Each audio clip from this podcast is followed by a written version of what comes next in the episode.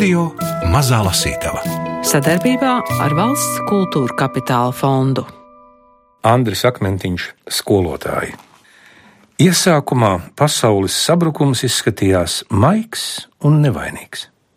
Kad Sarmīti ieveda skolā pirmo reizi, viņai varēja būt trīs vai četri gadiņi, varbūt pat pirmās atmiņas.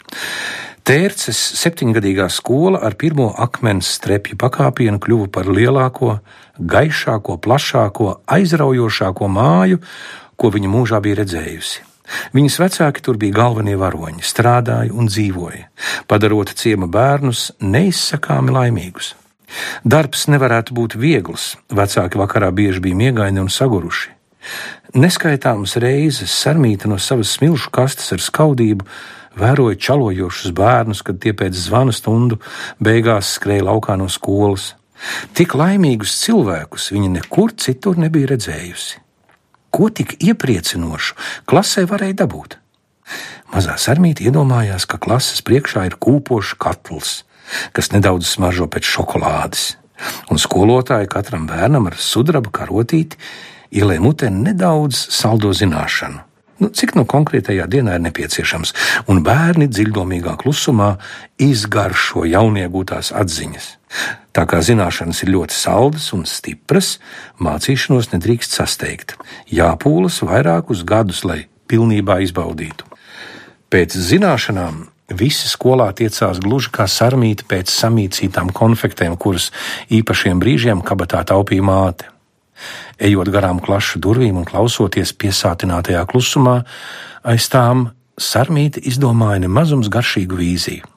Aiz durvīm čaukstēja papīri, skrapstēja krīts vai tintes spalvas. Reizēm skolotāja trenētā balss lika satrūkties pat gaitenī. Skolotāji viņas acīs bija dievi, kuri sapulcējas skolotāju istabā, lai pēc tam uzlādēti ar zinību saules enerģiju, sparīgi dotos uz klasēm pie audzēkņiem. Pirmā plaisa pasaules modelī radās, kad papiņš sarmīti sāka ņemt iekšā stundās, jo nebija citu pieskatītāju. Stundas bija garlaicīgas. Papiņš aizrautīgi rakstīja uz tāfeles ķeburus, it kā viņa laime un veselība būtu no tiem atkarīga. Skolēni vienkārši blendza papiņā un reizēm kaut ko pierakstīja, un viss. Ā, nē, papiņš Dažkārt sauca kādu priekšā, un tas piesārcis stostījās, atkal rakstot tos pašus garlaicīgos ķeburus, tie esot skaitļi, burti un matemātiskās zīmes. Tiešām nevienam nebūs glābiņa no tiem. Kad papiņš izsludināja kontrolu darbu, tad vispār neviens neko nerunāja, grauza rakstāmos un sēri pūta. Sarmītei atlika tikai šūpot kājas un zīmēt tintas klekšus un izplūdušas princeses, iesākumā uz lapas, tad uz sola, tad uz rokām, un tad uz visām pārējām vietām, kamēr papiņš neatskrēja glābt pasauli atkal un atkal. Tomēr galvenais trieciens ķēra, kad Sarmīti iepazīstināja ar citām skolas telpām. Pārcelšanās no plašās privātmājas uz dzīvokli skolā Sarmītas atmiņā īpaši neuzkavējās, jo skola bija daudz lielāka. Pārziņa dzīvoklī pirmajā stāvā ar skatu uz bērnu virzīti atradās arī direktora kabinets. Mātei pašai sava darba laikam nebija. Viņa visur palīdzēja papiņam un aizvietoja viņu, jo papiņš bija vecs un skolotāja darbā pārpūlējies. Reizēm pat nevarēja saprast, kurš skolā ir galvenais papiņš vai māte. Lūk, Sarmīti jau veda pa skolu, un viņa uzmanīgi klausījās, muti iepletusi, un vēl neko ļaunu nenojauta. Tad viņai ierādīja skolotāju istabu. Tad durvis, aiz kurām papiņš cīnījās ar cipariem, sarmītei uzreiz pārskrēja vēsas tirpas, un viņa savā prātā atkārtoja garlaicībā. Bet tālāk viņu pārsteidza aizvien garāki un interesantāki vārdi. Tur bija garderobe, kurā neatradās nekā garda, tikai karājās dažas siltās jakas, un tur bija ēdamzāle ar gariem, tukšiem un negaršīgiem galdiem. Sarmīti pat vēl lāgā lasīt nemācēja. Viņa zināja, kas ir viņas burts, un kas ir papiņa burts, un kas ir mātes burts. Tā nu viņai vajadzēja klausīties un ticēt visam, ko viņai lasa priekšā, un pēkšņi Māte rādīja viņai mazas durvis gaiteņgalā, un bez mazākās izteiksmes sejā paziņoja: skolotāju tolete. Un gāja mierīgi tālāk, neko lielu neiztaisot. Tad bija spiesta atgriezties, jo aiz mugurē sākās lielā bimba. Nu, kas ir, ko apstājies sarmuts? Māte nepacietīgi uzvaicāja. Skolotāju kās, bērns gaiteņa vidū raustīja lūpu. Un skolotāja tolete, neejam, visu dienu man nebūs laika staigāt ar tevi pa skolu bet sarma jau vīlēja skaļā balsī un nekur netaisījās iet savām kājām. Nu, mātei bija jāceļ bērns opītē un jāaucina. Uzreiz jūtams, ka šoreiz raudamais viegli nepāries. Pat ierunāties sarmītei ilgi neizdevās, līdz mātes plecs bija noraudāts slapišs, un glābjošajā siltumā bērns saņēmās atklāt, kas vainas, jo liela un saulaina pasaules ēka bija neglābjami sabrukusi skolotāju, vai tad viņi arī? Nu, mēs taču arī esam skolotāji un mēdzam čurāt, to tu nebija iedomājusies. Māte skaņa iesmējās un sarmīt brēc aizvien skaļāk. Vēlāk, apcerot bērnības ilūziju par skaistajiem pārcilvēkiem, skolotājiem un vēl daudzu citu brīnišķu sapņu sagrāvi, Sarmīta varēja izsekot, kā dažos gados skolotāja tēls aizvien vairāk ieplaisājas skolotāji ne tikai čurāja, un dzīves beigās mira. Viņi ārpus stundām mēdz būt miegaini un nikni, jo naktī bija spiesti labot burtnīcas. Skolotāji nespēja savilkt galus kopā un bija ļoti trūcīgi. Skolotāji mācīja citus dzīvot, kaut gan pašiem bija ļoti maz laika padzīvoties. Skolotāji vienmēr un visur bija paraugs, pats ļaunākais tādiem vajadzēja būt arī skolotāju bērniem. Tātad skaidrs, kuram pasaulē klājās visgrūtāk. Sarmītē bieži gribējās sadot pa ļutenēm katram, kuram kas iebilstams pret skolotāju bērniem. Bet tieši to Sarmīte nevarēja atļauties. Nekādā gadījumā pilnīgi izslēgts. Viņa jau zināja no galvas, ka ir visu acu priekšā, un par viņas uzvedību tiesā arī vecākus kamēr bibliotekās joprojām ir rindas, lai izlasītu Andra Akmentiņa romānu skolotāju, kurš noslēdz vēsturisko romānu sēriju Mēs Latvija 20. gadsimts, kamēr top romāna tulkojums lietuviski, kamēr fragmenti jau ceļo pa pasaules svešvalodās, bet Andris Akmentiņš tiekas ar lasītājiem pārbraucot no Vēnspils uz Valmieru, viņš piestāja uz sarunu Latvijas radio studijā Rīgā. Vai tu pats atceries, kā tu iegāji skolā? Jā, jā, es atceros, un uh, tur šis tas ir iekšā, mēs pārceļam tās savas pārdomas, tā bonierēšanas smarža un tas dīvainais, tas grīdu aparāts un, un vispār tā pati tā smarža. Un esmu arī basketbolu spēlējis uz uh, veco laiku parketa grīdas. Nu, tā, kas skrienot, uzraujās kaut kāds dēlīts reizēm, un tad viss apstājās, un viņi noliek apakaļ. Un, Un turpat tās ir klases eh, ar durvīm, kur notiek iekšā kaut kādas citas stundas. Jo. Tur bam, bam, bam, basketbols. Mums gan bija augsti griezti, mums nebija tik mazi griezti. Kurā skolā tu mācījies? Vāmieras piektajā. Mm. Nu, pie Gundars, teātra. Pie teātra. Pie teātra. Uz teātra arī gāja. Jā, jā, jā. Gundars te lasa to no sarmas grāmatas, kā sarmīti iet skolā pirmo reizi un kā viņi atklāja, ka skolotāji vispār ir cilvēki. Ne? Tev arī bija atklājums par skolotājiem kā īpašām radībām vai nē? Jā, ne, man, man arī bija mazliet tāda uh, leģendām apvīta ilūzija par, par viņiem kā tādiem pārcilvēkiem, un kaut kā pamazām man tas sāka konfliktēt ar to, ka man taču māte arī ir skolotāja, un tagad tās mazo klašu skolotāji sāka nākt pie mums, nu, tas klasiskais stāsts ir, tad es piedzīvoju, kādas viņas ir, kad viņas nu, ir tādas pavisam jautras. Un, nu, teiksim tā, ja tie padomju laika, tie svinību galdi un trakākais atnes kartiņu, un tur ir dāvanā, ir tagad sametušās tās kolēģis, tur kaut kāda gultas veļa, un ir klasiskais pantiņš. Klāja paladziņu tu pa virsu Es domāju, tās taču ir skolotājas, kam man. Un nākamā brīdī mēs visi, nu, diskotenī laikā, disko uzvaras gājiens un kaut kāda plaša atskaņotāja. Un, un mēs pēkšņi tur no kaut kāda disko, kaut kāda aba tur skan un pēkšņi novelk no skapja augšas ķirbi un sāks pārdīt pa vidu visi jautrā aplī dejojot. Un tas mājā dzīvoklī, un mēs esam mazi skolēni, bet nu kopā ar visām, kas ikdienā ir skarbs skolotājs. Nu, tā dēļ beidzās, ka, ka spicāko kurpju īpašniece kaut kā aizrāvusies, iegremdēja to kāju, ķirbī līdz potītei. Vārds sakot, tā, tā jautrā puse. Un, nu jā, nu tad ātri laikam saprotu to, ka cilvēki vien mēs esam un, un, un visi kopā caur to skolu kuļamies. Nu, tā kā es tiku līdz 4. klasē, tad gan es triumfēju un teicu mātei, apakaļ uz pirmo. Es Jā, jo Tālāk. Viņa, jā, jo viņi rotē pirmā, trešā, pirmā, trešā. Un, ja tu cilvēks kaut ko nedzīvē labi apgūst, tev sūta ne? Bet, nu, daži tiek uz priekšu. Es esmu dabūjis arī to, ka kaut kādi cilvēki, kaut kādi draugi lūdz māti pasveicināt. Nu, kas, Mm. Balss jau viņai bija drausmīgi drezīna, tāda šuva cauri sienām. Nu jā, redz, pēc tam mēs šķīrām uz beigām veltas grāmatu, un tur ir faktiski tas, ko velta saka, es esmu skolotāja un padomu laikā ir pagājuši man aktīvākie dzīves gadi, un tad kā tu to stāstu varētu īsti nosaukt? Tā nav tā kā grēksūdz, tā ir tā, tad vienlaikus saruna ar sevi. Nabaga velte jau ir tāds traģiskākais, jo viņa bija pareiza tajā laikā. Viņa bija tāds pienākuma cilvēks.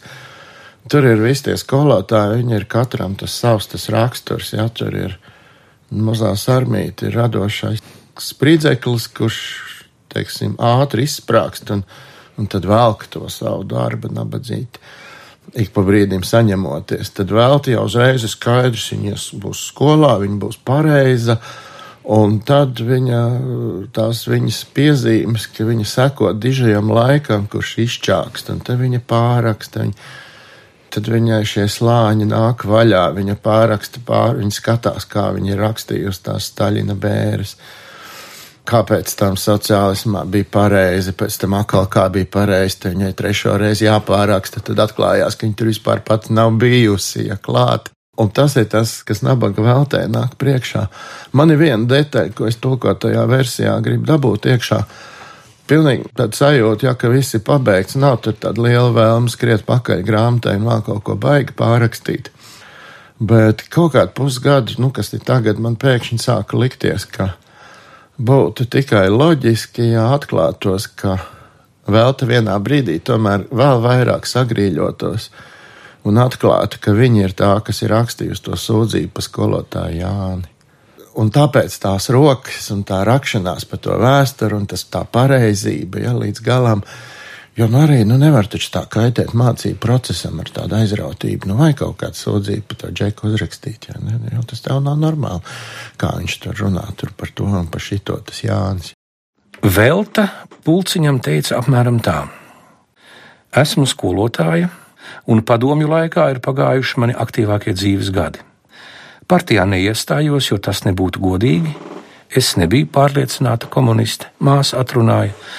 Jā, es biju apzinīga komjaunieti, jo tas nozīmēja aktīvu dzīves pozīciju, un man tāda bija. Mēs darījām savu darbu pēc labākās sirdsapziņas, mācījām bērniem strādāt un domāt, mīlēt savu dzimto zemi.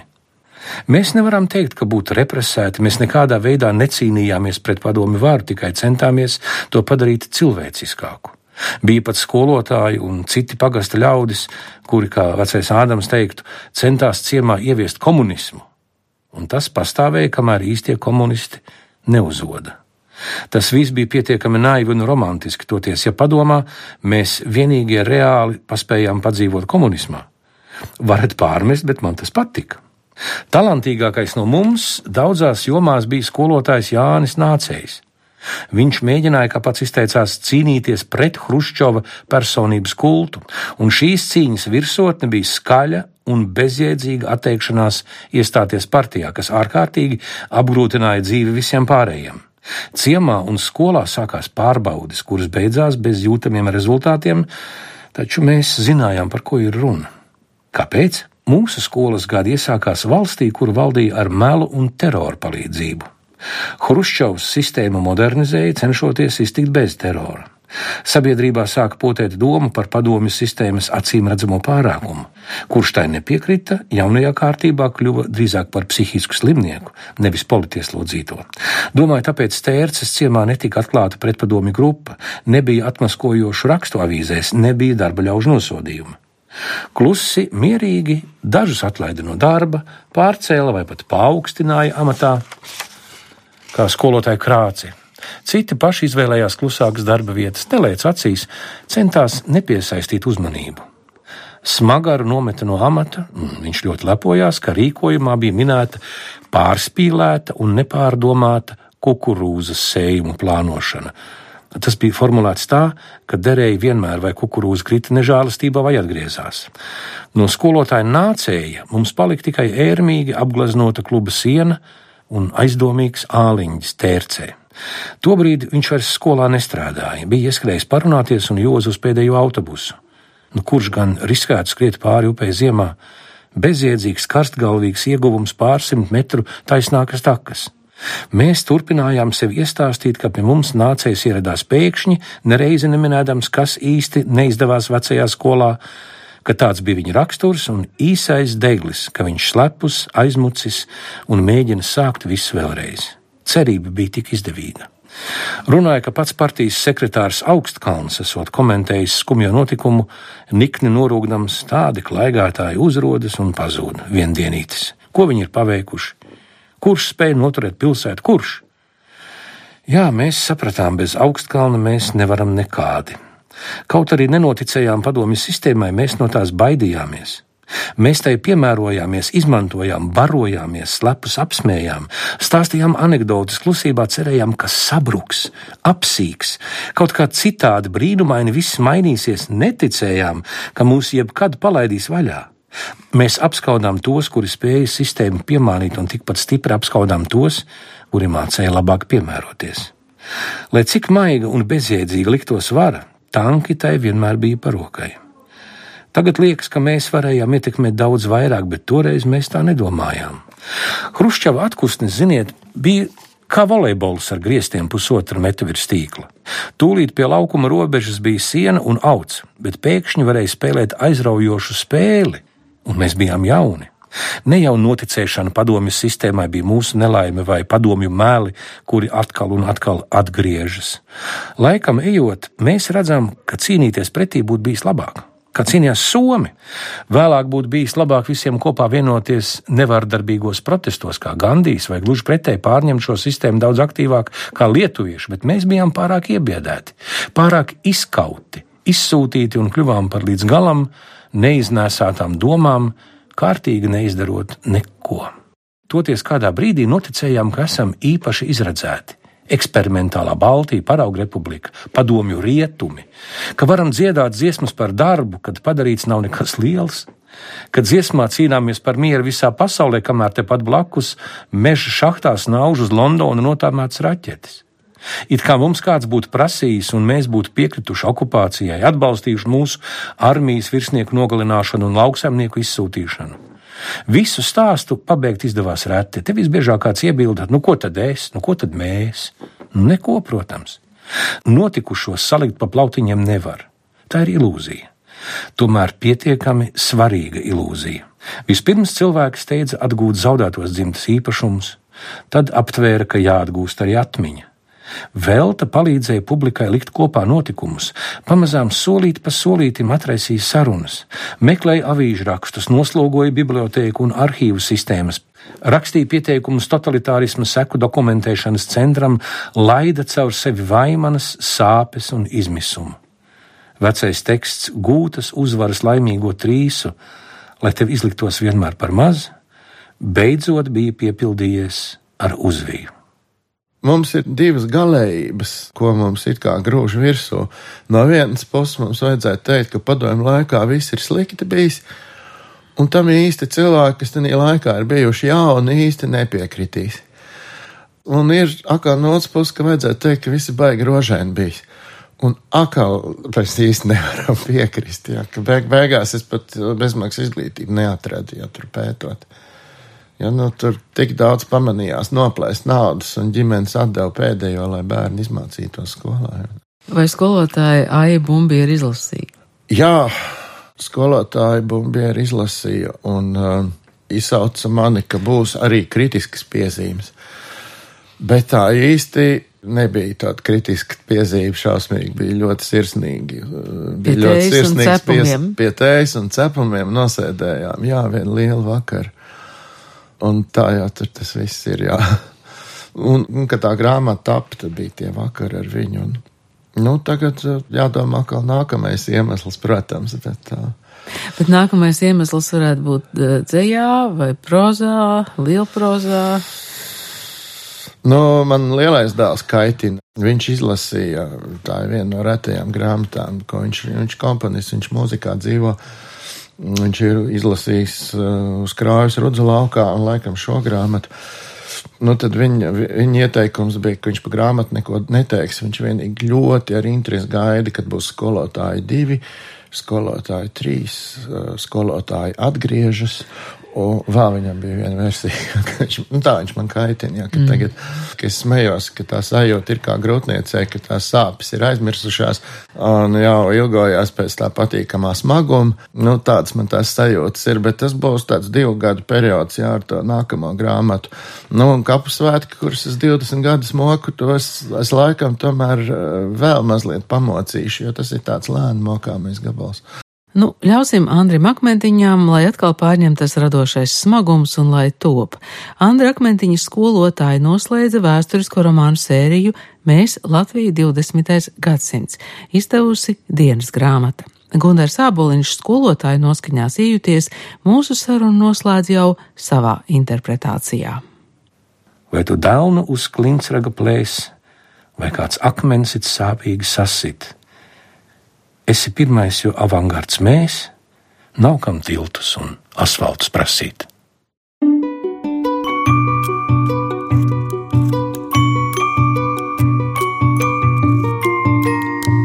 Radio Mazā Lasītava.